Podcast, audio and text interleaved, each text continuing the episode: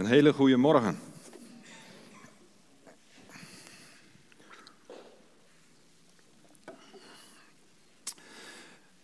Wie heeft het niet? Personen in de Bijbel die je aandacht trekken. Mensen bij wie je wel eens achter de schermen zou willen kijken. Voor de een is dat Abraham, voor de ander Job, Petrus of Paulus. Vanmorgen wil ik jullie meenemen in een stukje geschiedenis waar David deel van uitmaakte. Een bijzonder gedeelte. En ik wil het eerste stukje lezen uit 2 Samuel 6 vanaf vers 16 tot en met 19. En toen zij de ark van de Heere de stad binnenbrachten, zetten zij de ark op zijn plaats midden in de tent die David daarvoor had neergezet. En David bracht brandoffers voor het aangezicht van de Heer en dankoffers. En toen David klaar was met het brengen van het brandoffer en de dankoffers, zegende hij het volk in de Heer van de hemelse legermachten. En hij deelde aan heel het volk en aan heel de menigte van Israël, van man tot vrouw toe, aan ieder een broodkoek een klomp dadels en een rozijnenkoek uit. En toen ging al het volk zijns weegs, ieder naar zijn huis. 2 Samuel 7 van 18 tot 22. Toen ging koning David de heilige tent binnen en nam plaats voor het aangezicht van de Heer. Hij zei, wie ben ik, heren, heren? En wat is mijn huis dat u mij tot hiertoe hebt gebracht? En dit was in uw ogen nog gering, heren, heren. En u hebt ook nog over het huis van uw dienaar gesproken, tot in verre tijden. En dit overeenkomstig de wet van mensen, heren, heren. En wat zal David nog meer tot u spreken? U kent uw dienaar immers, heren, heren. Omwille van uw woord en naar het hart van.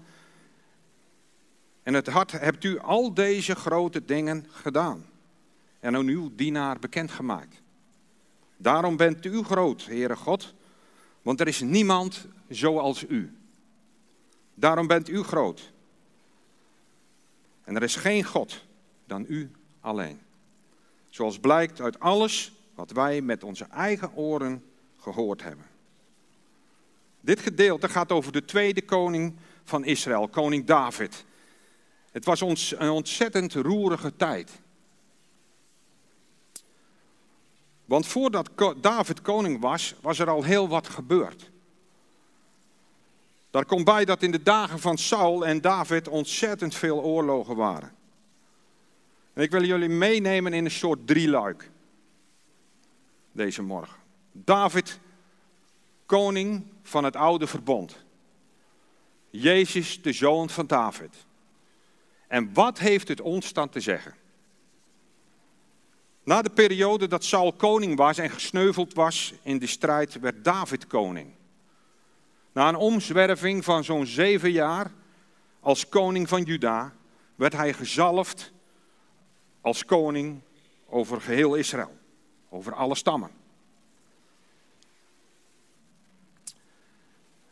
De ark van het verbond die in het heilige der heiligen van de tabernakel stond, was in handen geweest van de Filistijnen die hem hadden meegenomen tijdens de strijd met Israël. Je weet wel in de tijd van Saul.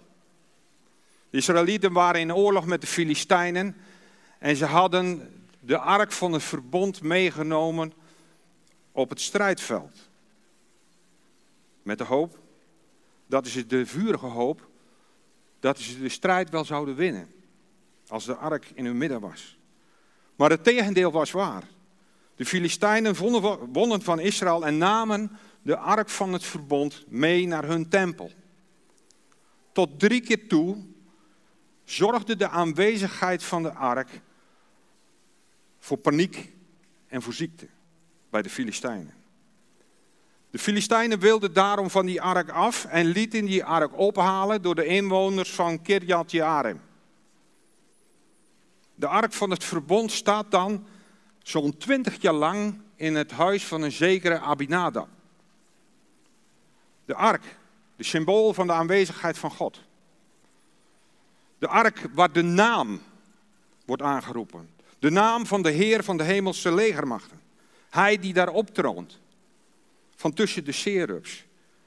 Dat zijn die twee engelen die naast elkaar, tegenover elkaar staan, kijkend naar het verzoendeksel. Je kunt je wel voorstellen dat David, toen David aantrad als net nieuwe koning van Israël, dat hij maar één ding verlangde. De ark van het verbond in het midden van het volk. Gods aanwezigheid in hun nabijheid. Als de ark in Sion is, kan koning David schrijven dat God in Sion woont. Psalm 9 zegt dat. En David brengt 30.000 mensen op de been om die ark van God op te halen vanuit Kirjat Jearim. Een plaatsje zo'n 15 kilometer bij de Davidsburg vandaan. David haalt dus samen met het volk de ark op uit het huis van Adinadab en ze plaatsen die op een kar. En een van de zoons die loopt voor de kar en de tweede zoon van die Abinadab die loopt naast de kar en zo begeleiden ze de ark. En heel het volk was blij en ze huppelden achter de ark aan. Ze maakten muziek met allerlei muziekinstrumenten en ze waren euforisch, uitbundig. En dan komt er een moment dat die runderen struikelen. Zodat de ark van de wagen dreigt te vallen. En Uzas die steekt uit een reactie zijn hand uit naar die ark. Maar de toren van God ontstak. En Uzza valt dood neer. Wat een klap. David was zeer ontsteld en bevreesd. Dat is wel te begrijpen. Hij wilde de aanwezigheid van God zo tastbaar dichtbij hebben, maar nu overkomt hem dit. En David besloot die ark op te slaan op een zolderkamertje bij een zekere Ebed-Edom. En drie maanden lang wordt deze Ebed-Edom wordt gezegend. En David hoort dat. En hij wordt weer enthousiast. En hij wil opnieuw. En gaat op stap om die ark op te halen. Om hem in zijn midden te hebben. Hij haalt de ark op richting de Davidsburg, maar deze keer op een hele andere manier. Hij laat de ark dragen. Bijzonder. Want eerst deed, dat, deed hij dat op een wagen. Maar dat was niet volgens de richtlijnen die God had gesteld. De ark moest gedragen worden door de Levieten. Door middel van draagstokken konden ze die ark dan op hun schouders dragen. Die draagstokken werden niet uit de ringen verwijderd, dus de ark hoefde ook nooit aangeraakt te worden. God nam dus heel serieus dat de ark zo moest worden vervoerd. En niet op een wagen geplaatst. En daarom kostte dat het leven van Uzza. Als die dragers zes stappen voorwaarts gezet hadden, met ark, dan slacht David een rund en een gemeskalf. 15 kilometer lang. En David huppelde uit alle macht voor de Heer van de hemelse machten.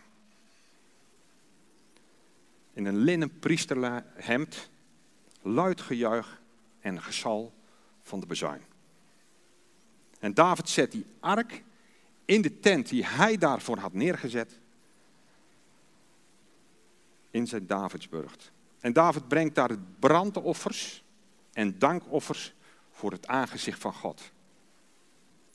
En toen David klaar was, kwam hij naar buiten, zegende het volk in de naam van de Heer van de hemelse machten. Het is wel duidelijk hoe groot Davids verlangen is om die ark bij zich te hebben. De aanwezigheid van de Heer. Hem, hij, die woont van tussen de cherubs. Je ziet het aan hoe David de intocht voert met deze geweldige massa mensen die op de been zijn, de zangers en de offers. Als je erover nadenkt hoeveel offerbloed er heeft gevloeid voordat die, voordat die ark in de Davidsburg was. Ongelooflijk. Wat is daar een bloed gevloeid? Maar, is het wel geoorloofd wat David doet? Er staat dat David huppelt in een linnen priesterhemd. Uit alle macht voor de Heer. In het Hebreeuws staat daar voor linnen priesterhemd het woordje efot. Het efot is het onderkleed en het ondergoed van een hoge priestelijk gewaad. Kleding dus van een hoge priester. Dit was van fijn linnen gemaakt, zodat de hoge priester geen ongerechtigheid op zichzelf zou laden. Een kledingstuk dat reinheid en zuiverheid symboliseert. Een efot werd gedragen door de hoge priester en David was geen hoge priester, maar was koning. Nog iets merkwaardigs. David die brengt die ark in de Davidsburg in een tent die hij speciaal daarvoor heeft neergezet. Dat was niet de tabernakel waar de ark thuis hoorde in Silo.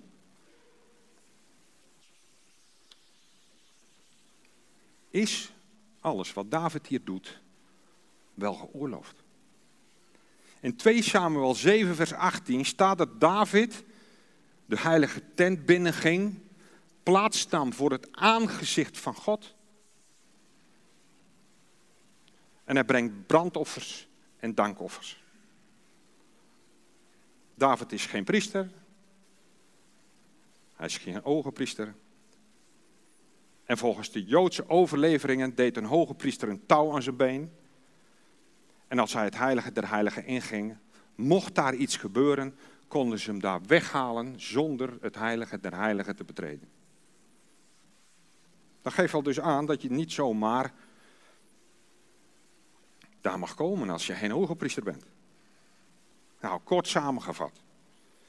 David zet de ark niet in de tent van de samenkomst, maar in Silo. Samenkomst in Silo, maar in zijn eigen daarvoor opgezette tent, in de Davidsburg. Hij loopt in een efot en gaat deze tent binnen. Hij offert in deze tent voor het aangezicht van God brand- en dankoffers. Terwijl hij geen priester of hoge priester is. En als hij klaar is met het offeren, zegent uit het volk in de naam van de Heer van de legermachten en deelt brood uit aan het volk. Kortom, David verricht hier handelingen. Wat werk is voor een leviet. Alleen mensen uit de stam van Levi mochten dit uitvoeren. En David kwam uit de stam van Juda. Hij komt niet uit de stam van Levi. Na de uittocht van Egypte had God de stam van Levi aangewezen om dienst te doen in de tabernakel. Ze worden Levieten genoemd. Uit de stam van Levi had God het geslacht van Aaron als priesters aangesteld. De mannelijke nakomelingen van Aaron waren dus priesters van natuurlijke geboorte. Ze hadden niet te kiezen en werden als priester gewijd om de taak in de tabernakel uit te voeren zodra ze 30 jaar oud waren. Zij stonden in voor de offers op de brandofferaltaar, in de voorhof en de tabernakel en verzorgden de voorwerpen in het heiligdom. Alleen de hoge priester had eenmaal per jaar op grote verzoendag toegang tot het heilige der heiligen. De plaats waar God aanwezig was. En wat doet David? Hij gaat die tent binnen, doet het doek, opzij en treedt binnen. In gedachten zie ik dat zo gebeuren. En hij knielt voor die ark van het verbond. Wat je David ziet doen, dat zijn allemaal zaken die buiten de oevers van de voorschriften van God treden. En het heeft voor David geen gevolgen. Waarom heeft het voor Uzza wel gevolgen? En voor David niet? David gedraagt zich als koning en als priester. En wat David daar doet, dat is profetisch. Hij kreeg, wat we net in hoofdstuk 7 hebben gelezen, de belofte dat de troon van hem zou vaststaan tot in verre tijden. Dus David zelf is dus een onderdeel van een, een voorafschaduw voor wat komt. Wie zal dan die troonopvolger zijn? Die koning en priester zal zijn. Dat brengt ons naar duizend jaar later, na David. Waar Jezus als een kind deze wereld binnenkomt. En zo'n 33 jaar later sterft. Hij liet zich als koning en priester offeren met een eenmalig volmaakt offer om de weg vrij te kopen voor mensen.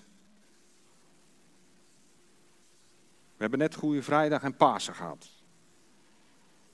En we denken dat Jezus geleden heeft, geslagen, veracht en volledig genegeerd.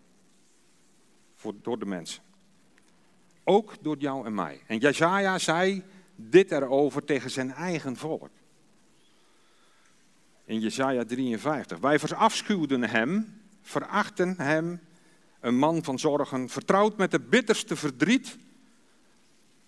We keerden hem de rug toe en keken de andere kant op als hij langskwam.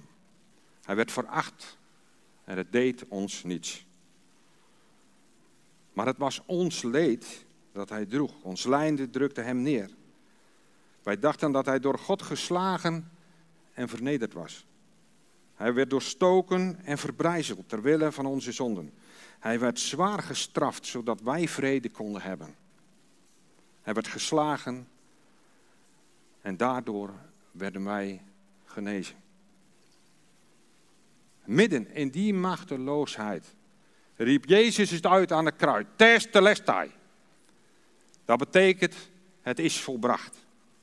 En op dat moment scheurde de voorhang in de tempel van boven naar beneden. Een 10 centimeter dik gordijn. Het gordijn hing langs de wanden naar beneden.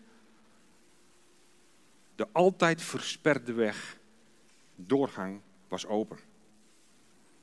De afscheiding was verdwenen. En wat je niet mocht zien, werd zichtbaar. Je kon het heilige der heiligen inkijken. Het eenmalige volmaakte offer van verzoening brak de afscheiding doormidden. De weg is open. Er is geen blokkade mee. Dat testelestai, het is volbracht, dat is een werkwoordsvorm vanuit het Grieks. Dat zoveel betekent als de geldigheid trad in op het moment van de uitspraak en is geldig tot op vandaag. Misschien kamp jij vanmorgen zelf nog met onzekerheid of Jezus je persoonlijke verlosser is. Ik wil dit vanmorgen duidelijk zeggen. Het is volbracht. Er komt geen offer meer. De geldigheid van de boodschap van het kruis is vandaag nog steeds geldig. De schrijver van de Hebreeënbrief zegt in hoofdstuk 1: Vroeger sprak God door engelen en profeten, maar in deze laatste dagen spreekt hij door de zoon. Kom, wacht niet Want de weg is open en vrij om tot God te naderen. Je zult er geen spijt van krijgen. Aanvaard de Heer Jezus als je redder en verlosser, dan deel je in zijn sterven. Aanvaard de Heer Jezus als de opgestane Heer en je deelt in zijn opstanding. En dan is er toegang tot Gods heiligdom. Omdat je één geworden bent met Hem die hoge priester is. Lees maar. Hebreeën 6 vers 20. Deze hoop hebben wij als een anker voor de ziel. Dat vast en onbreekbaar is en rijk tot in het binnenste heiligdom. Achter het voorhangsel. Daar is de voorloper voor ons binnengegaan. Namelijk Jezus. Die naar de ordening van Melchizedek hoge priester geworden is tot in eeuwigheid.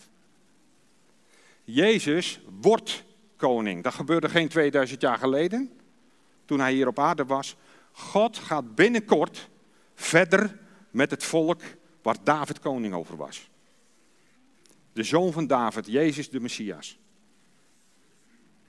Hij die het volmaakte offer bracht, zal terugkomen op de Olijfberg. En hij zal koning zijn op de troon van zijn vader David. Maar de Heer Jezus is ook priester. Een nazaat van de stam van Juda, zoals David dat ook was. Hebreeën 6 vers 20 laat ons Jezus zien, de hoge priester. Hij zondigde nooit, hij was heilig, hij was onberispelijk en puur. Zijn priesterschap is voor eeuwig, omdat hij nooit sterft, maar eeuwig leeft. Want zo'n hoge priester hebben wij nodig, zegt Hebreeën 7, vers 26. Heilig, onschuldig, onbesmet, afgesneden van de zondaars en boven de hemelen verheven. Hij heeft het niet nodig, zoals hoge priesters elke dag eerst voor hun eigen zondigslachtoffers brengen en pas daarna voor die van het volk. Want dat heeft hij voor eens en voor altijd gedaan toen hij zichzelf offerde. Die aardse priesters die werden aangesteld door de wet. Maar Jezus was aangesteld door de eed die God had uitgesproken. U bent priester in eeuwigheid, zei God. En deze eed zal nooit worden veranderd of ongeldig worden verklaard. En dan komt de grote wonder op grond van zijn offer en zijn opstanding is er ook toegang voor jou en voor mij. Want door het geloof ben je in Christus een nieuwe schepping geworden. Hij offerde zichzelf voor eens en voor altijd. Hij is genadig en denkt niet meer aan onze zonden. Hij heeft voor eeuwig verlossing voor ons verworven. Hij geeft ons een eeuwige erfenis. Hij heiligt ons. Hij zet ons apart. Zijn bloed reinigt ons van dode werken om de levende God te dienen. Hij schrijft, let op, de wet van de geest in ons hart. Hij opent voor ons de weg naar het heiligdom. Hij kan ons volkomen redden als we door Hem tot God gaan.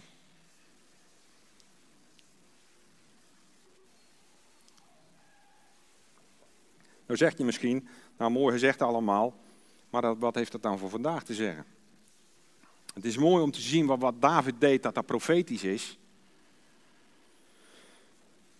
En dat, hij, dat het gaat over de zoon van David, de Heer Jezus, en wat het betekent voor vandaag van ons.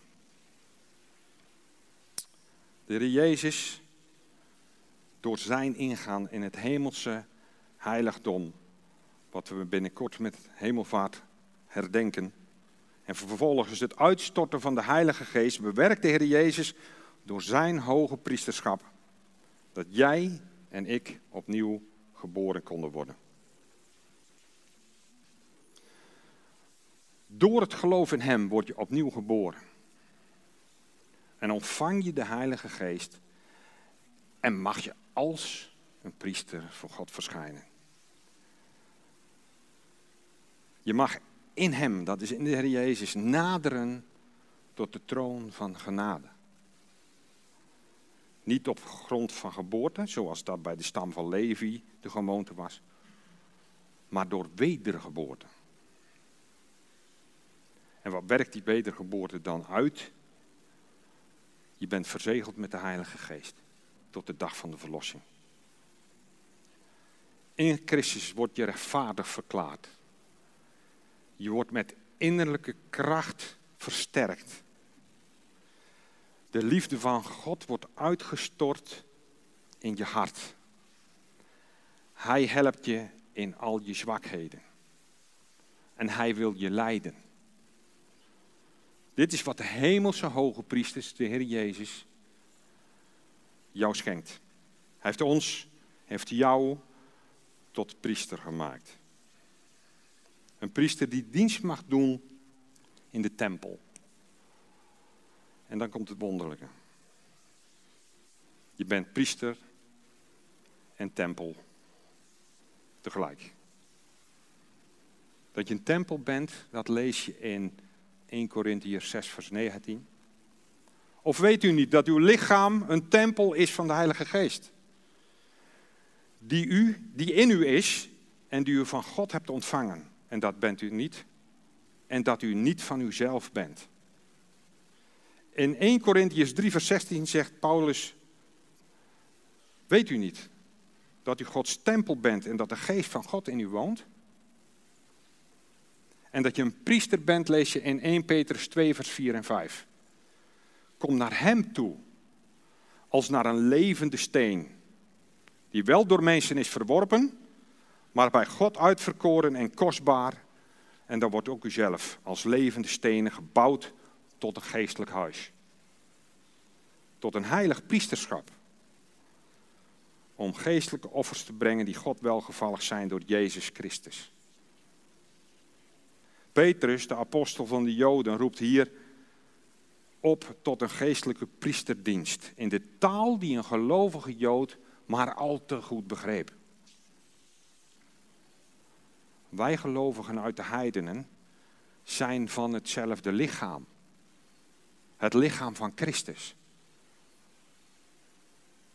Dus ook wij zijn, jij en ik, priester. Een priester is een middelaar tussen God en mensen. Daarom volg je de Heer Jezus na. Je bent niet een middelaar in de zin van dat je mensen kunt redden, maar op een andere manier. Christus maakte ons tot priesters voor zijn God en Vader. Hoe? Bij onze nieuwe geboorte werden we geheiligd, werden we apart gezet om God te aanbidden en Hem te dienen. Dat is dus naar God toe. Je mag tot Hem naderen. Ik kom uw heiligdom binnen. Het voorhangsel voorbij. In Petrus 2, vers 5 staat: Wij zijn geroepen om ons te laten gebruiken als levende stenen van een geestelijk huis om een heilig priesterschap te vormen. Dat geestelijke huis dat was destijds de tempel. Maar is nu het lichaam van Christus, de gemeente. Elk gelovige is een priester van God die de dienst doet in het huis van God. Dat is niet het gebouw van steen overigens. Maar als eerste opdracht het brengen van offers. Het gaat dan wel om geestelijke offers. Gebeden, lofprijzingen, dankzeggingen. Ik kom uw heiligdom binnen. Het voorhangsel ga ik voorbij.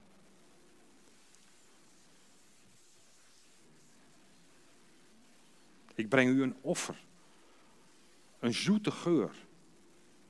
Dat offer, God aanbidden en dienen in zijn gemeente, kun je niet vanuit jezelf. En daarom zingen we er drie direct achteraan. Het was van een vrucht van u in mij. Je bent een priester. We zijn een priester. En staan tussen God en de mensen in. God en deze wereld. Naar Hem toe aanbidden we. We dienen Hem. Als we in Zijn heiligdom zijn, voor Zijn aangezicht. Dan bidden we voor mensen om ons heen, voor de wereld. Met vrijmoedigheid het heiligdom binnengaan. Dat zegt zoveel als in gesprek zijn met de Heer Jezus. Hem aanbidden, Hem prijzen, Hem alle eer geven, Hem groot maken. Dat is naar Hem toe. Maar ook bidden voor jezelf. Met Hem praten over wat je bezighoudt. Bijvoorbeeld voor mensen die lijden. Bidden voor broeders en zusters die in verdrukking zijn om de naam van Jezus. Bidden voor mensen die de Heer Jezus nog niet kennen. Maar ook voor het volk Israël die op dit moment nog in duisternis wandelt. Of, of bijvoorbeeld voor nieuwe oudsten. Wie heeft hij op het hoog als oudste? David ging binnen in zijn tent, die hij voor de ark had neergezet. Dat was een schaduwbeeld. Jezus ging de schaduw voorbij.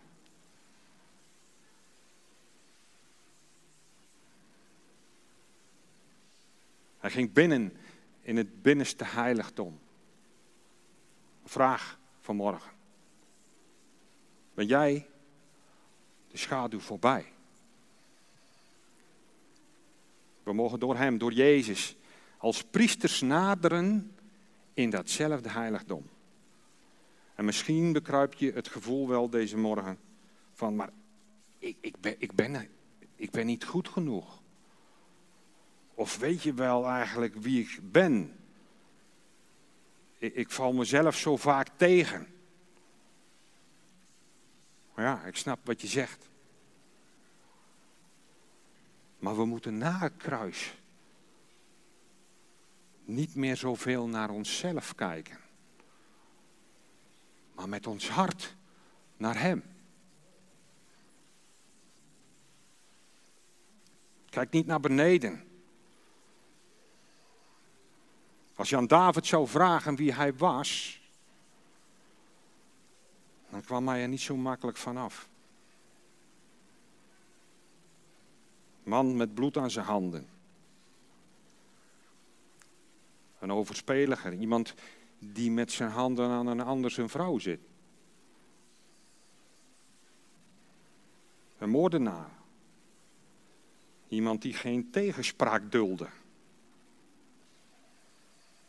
Maar het wonder was dat hij uiteindelijk zijn problemen en zijn zonden bij God bracht.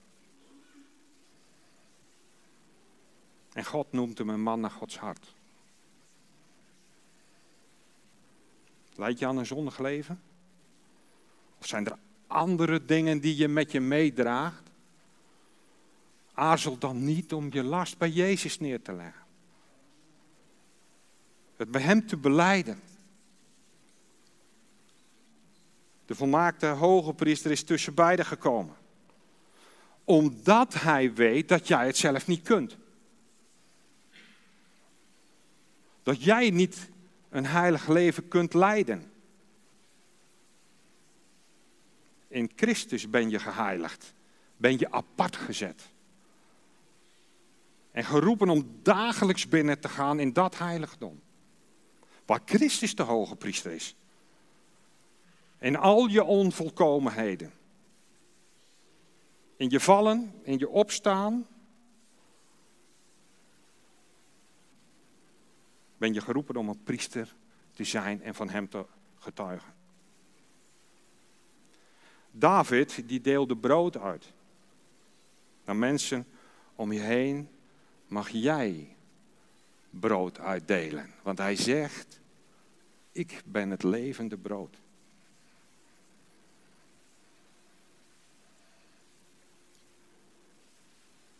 Door van Hem te getuigen, maar ook door het leven van Hem te laten zien, dien je juist je naaste.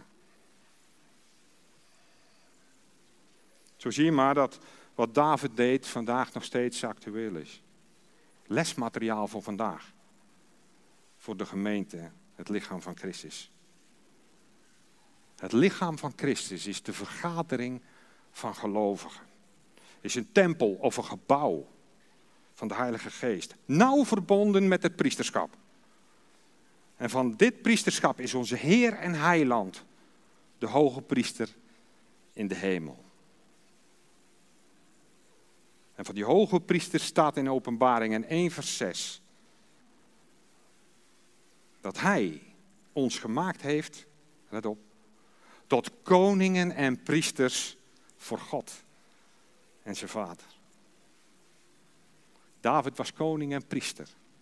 Hij was het type, de voorafschaduwing van Jezus de Messias. De Jezus is de komende koning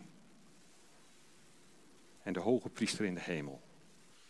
We zijn gemaakt en bestemd om koningen en priesters te zijn.